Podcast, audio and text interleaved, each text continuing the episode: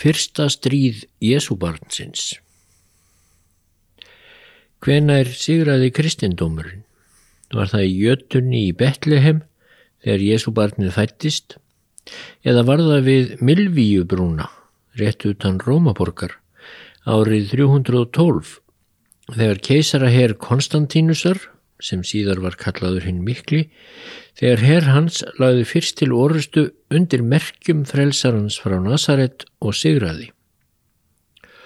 Og hefði ósigur í þeirri orustu getað kostað að kristindómurinn hefði aldrei orðið barn í brók og við værum þessi jólinn ekki að halda upp á fæðingu Krists heldur upp á fæðingu ja, hinnar ósigrandi sólar nú eða kannski hins heilaga nauts. Greinin hér á eftir byrtist fyrst í stundinni 22. desember 2021.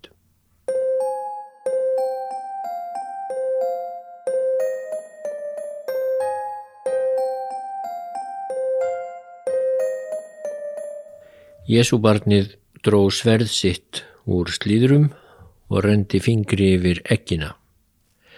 Sverðið beitt vel og myndi duga. Svo leiti Jésúbarnið yfir að týperfljóti. Hersveitir óvinnana gráar fyrir járnum höfðu streymt norður eftir Flaminju veginum frá Rómaborg og framvarðasveitir þeirra voru nú á leiðinni yfir Milvíubrúna.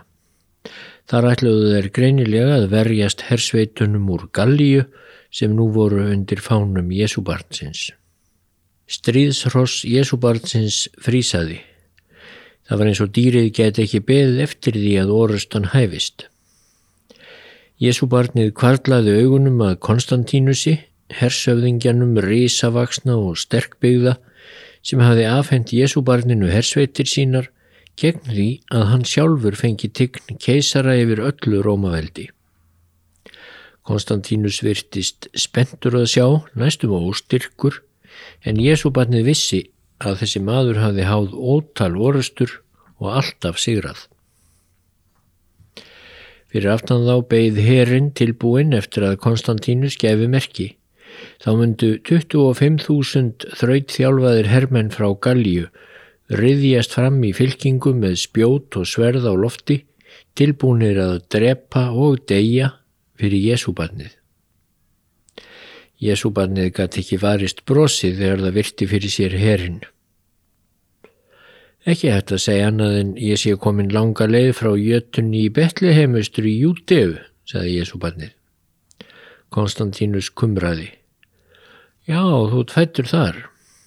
Harður Balkanreimurinn var enn greinilegur í rött Konstantínusar, þótt hann hefði verið í þjónustu rómar frá fæðingu eins og allt hans fólk í marga ætliði.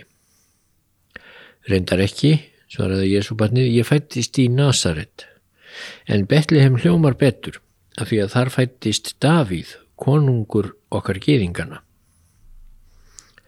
Konstantínus sperti sig í nakkstríðsrossins að þið týnið ykkur í smáatriðunum þið hinn kristnu, sagði herfóringin hrjúfri röttu, döft brós líkum varir hans. En nú skulum við berjast. Jésu barnið sá að þeim var ekki til setunar bóðið. Óvinnir mátti ekki fá tækifæri til að koma sér ofvel fyrir við Milvíubrúna. Þeir Konstantínus hafðu rætt um að breytja þá niður meðan meginherðira var enn úti á brúnni. Ég er tilbúin, saði Jésu barnið og lyfti þungu sverðinu. Konstantínus glotti. Nú er að sjá hvað þú dugar í bardaga, Jésu barn, sagðan. Hann rakk upp heróp, veifur fór á loft og stríðshross Jésúbarsins prjónaði af spenningi um leið og herin ruttist af stað niður að brúarsporðinum. Frásögnin hér á endan, hún er auðvitað tilbúin fantasía. Jésú frá Nazaret tók vitaskuld ekki þátt í orustunni við Milvíubrú. Þótt ekki væri nema vegna þess að orustan var háð árið 312 tæpum 300 árum eftir að Jésu var krossfestur af rómverskum landstjóra í Jérúsalem. En þetta var í fyrsta skipti sem ríkis herr lagði til allögu undir merkjum kristindómsins, undir merkjum Jésúbarnsins. Og þegar kærleiksbóðskapur Jésú frá Nazaret var orðin að herópi Konstantínusar keisara, þá hlaut Jésúbarnið að sigra. Því er orustan blóðuga við Milvíubrú þar sem 2000 kunnað hafa látið lífið ein helsta sigur stund kristindómsins. Eftir rólegt tímabil innan lands, tíma hennar góðu keisara á annari öld eftir Krist, þá ríktina er samfeld tókstreita um valdastól Rómaveldis á þriðju öld og oft geysuðu grimmileg átök. Keisarar komu og fóru, flestir þeirra voru myrtir eða fjallu í orustum við keppinuta. Á hálri öld frá árinu 235 til ársins 284 þá báru 27 kallar keisaratitil og margir þeirra fjallu áður en þeir náðu allarleið í hásætið. Á þessum tíma misti Rómaborg mikilvægi sitt í ríkinu en það komi keisararnir þangað sjaldan.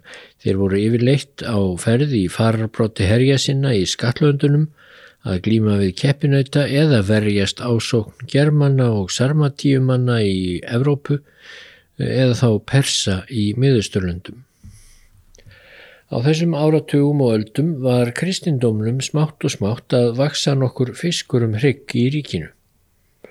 Kristnir menn höfðu verið ofsóttir, öðru kóru, allt frá dögum Neros keisara upp úr miðri fyrstu öld.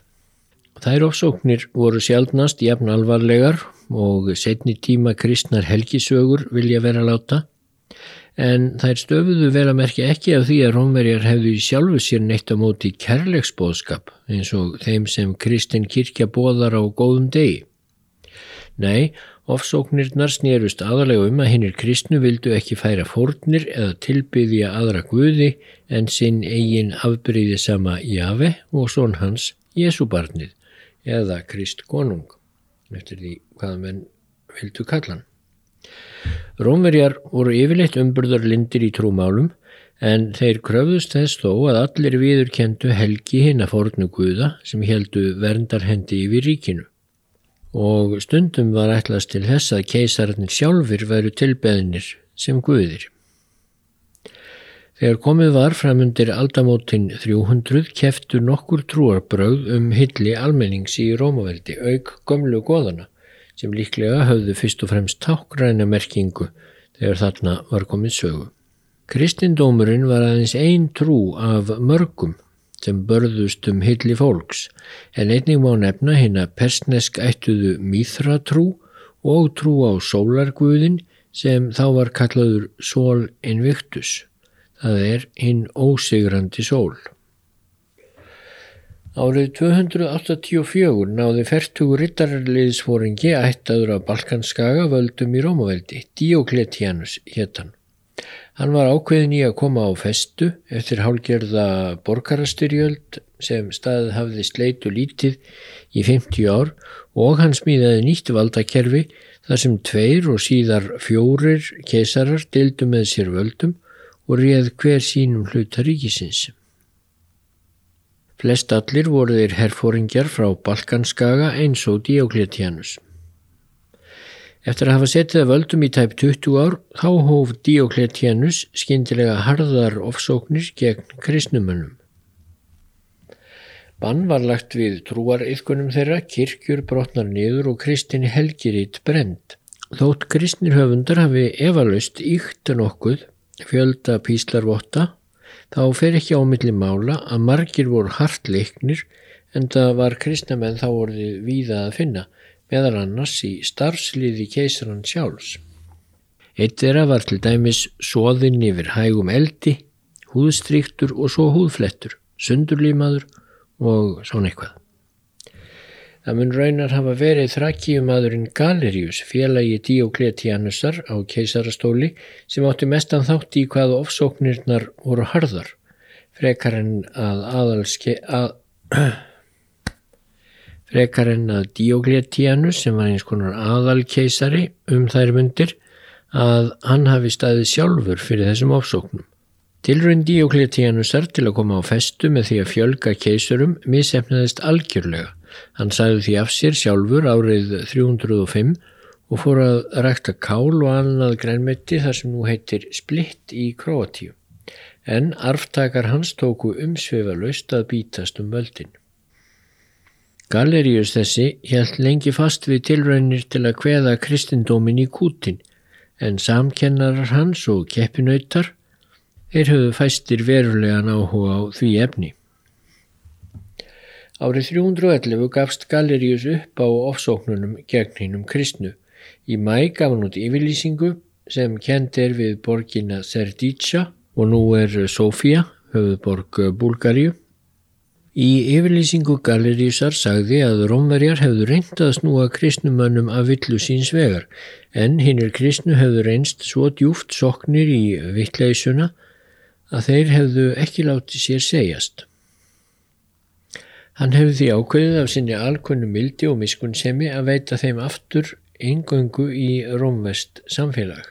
Svo fremi sem þeir gerðu ekkert til að okna allsherjar reglu. Eftir leiðis máttu kristnir menn byggja til síns eigin guðs og þurftu aðeins að byggja jafnframt fyrir velferð ríkisins. Með plakkinu frá Serdítsja mætti ætla að björnin hafi verið unnin fyrir kristna menn. Galerius hafði í raun skuldbundið sig til að vernda kristna menn rétt eins og alla aðra þegna. Ástæðan fyrir því að Serdítsja yfirlýsingin er ekki efn fræg í sögu kristindómsins og ætla mætti er sennilega annars vegar svo að Galerius lést skömmu síðar og náðu því ekki að fylgja henn eftir en hins vegar hafa mjög dramatískir atbyrðir árið eftir skengt mjög á hana. Þá kom til borgarastriðis millir tveggja keisara sem báður gerðu tilkall til allserjar valda í ríkinu. Konstantínus var færtugur, hávaksinn maður, afar stóri í sniðum, ættaður af Balkanskaga, sigur sæl hersöðingi en líka vel mentaður og gáfaður. Hann hafði útnefnt sjálfan sig keisara í vesturhlutaríkisins og árið 306 með aðsettur í Gallíu, Gríklandi, með aðsettur í Gallíu, þar að segja Fraklandi. En nú var hann farin að færa sig upp á skaftið og hugðist leggja undir sig Ítalíu og jafnvel sjálfa Rómaborg. Borgin hafði vita skuld mikið tákrænt gildi þótt hún væri valla lengur í þjóðbraut keisarana. Í Róm satt annar keisari Maxentíus nokkur, tæplega þrítúr, maður á svipuðu sögðahúsi og Konstantínus Haustið 312 mætti Konstantínus með hersinn til Rómar eftir Vía Flaminja og nálgæðist Milvíubrúna yfir Típerfljót. Ef hann kæmist yfir eh, brúna þá stæði borgin meir og minna opinn fyrir honum. Maxentíus hafði þegar staðið af sér umsátur tveggja keppinauta um Rómaborg en í þetta sinn yfirgaf hann skjól borgarmúrana og ákvaða verjast við brúna en ekki af henni. Sagt er að ástæðan fyrir ofdirfsku Maxentíusar hafi verið svo að í gamalli eh, spátumsbók hafi hann fundið vers þar sem því var spáð að þennan dag myndi óvinnur Rómaborgar falla í valin. Maxentíus held eins og að náttúrulega að spátumurinn ætti við Konstantínus en ekki sjálfan sig. Dægin fyrir hinn að vantanlegu orustu Þá er almælt að einhvers konar tákn hafi byrst Konstantínusi, ímist í draumi eða á himni og uh, það hafi mátt tólka sem merki Krists. Oftast er táknið kallað kross, jáfnframt hafi Konstantínus heyrt rödd sem sagði á latínu in hoc signo vinges. Hversu sem var um þessa sín þá létt Konstantínus hér sinn daginn eftir ganga til orustu undir kristnum merkjum og prýttu nú merki í Jésúbarnsins, bæði veifur og skildir hermana hans. Rétt er að árétta að í sjálfu sér var engin trúarlegur þáttur í baróttu Konstantínusar og Maxentíusar, alls engin. Þeir voru báðir jafn trúaðir eða vantrúaðir. Hvorugur þeirra keisarana hafði mikla sinnu á því að taka mikinn þátt í ofsóknum Diokletíanusar og Galeriusar og báðir hafði á undanförnum misserum gert ymsar ástafanir til þess að abla sér stöðnings kristinamanna en það voru þeir fjölmennir í ríkinu og víða í áhrifastöðum þrátt fyrir nýliðinar ofsóknir. En skemst er frá því að segja að yfirlýstur stuðningur Konstantínusar við Jésúbarnið virti stuga honum vel. Rittarlið hans braust gegnum varnarvirki sem menn Maxentíusar voru að hrópla upp við nyrðri brúarsporð eh, Milvíubrúarinnar og tóku svo að högva mann og annan á brúnni sjálfri. Flótti brast á lið Maxentíusar og hann sjálfur mun hafa dottið eh, hels ári í týperfljót og druknað.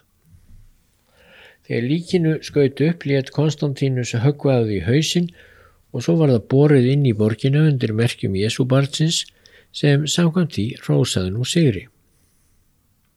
Orustan við Milvíubrúna var sankalluð sigur stund fyrir kristindómin. Það er ekki hægt að fullir það að kristni hefði endingu sigrað mýþratrúna nú eða hérna ósigrandi sól eða jafnvel manikeismann Ef Konstantínus hefði ekki tekið kristindómin upp á sína arma með svo afgerandi hætti og gerðist við Milvíubrú. Kanski hefði kristnin aldrei orðið barn í brók. Konstantínus held að vísu öllum leiðum opnum ennum sinn og í februar 313 hittust í Mílanó hann og nýr keisari í Östri, Líkiníus og um, þeir gáðu þar einhvers konar yfirlýsingu þar sem hveði var á um leifi Kristinavanna til trúarauðkana með enn ákveðnir hætti en Galerius hafi gert í uh, Serditsja. Setna þegar Líkinjus síndi svo merki þess að ætla að þrengja hlut Kristinavanna á ný þá notaði Konstantínus það sem átillu til að ryðja honum úr vegi árið 324. Var svo Konstantínus einn keisari í Rómaveldi í tæp 15 ár og kristnir menn notuðu tækifærið og komið sér svo vel fyrir í stjórnarkerfinu að eh, síðan var það ekki við þeim feðgum hróplað. Og hófuð þeir svo brátt ofsóknir á hendur öðrum trúarbröðum, þeir kunnu að neyta hins blóðuga sigurs Jésúbarnsins við Milvíubrúna.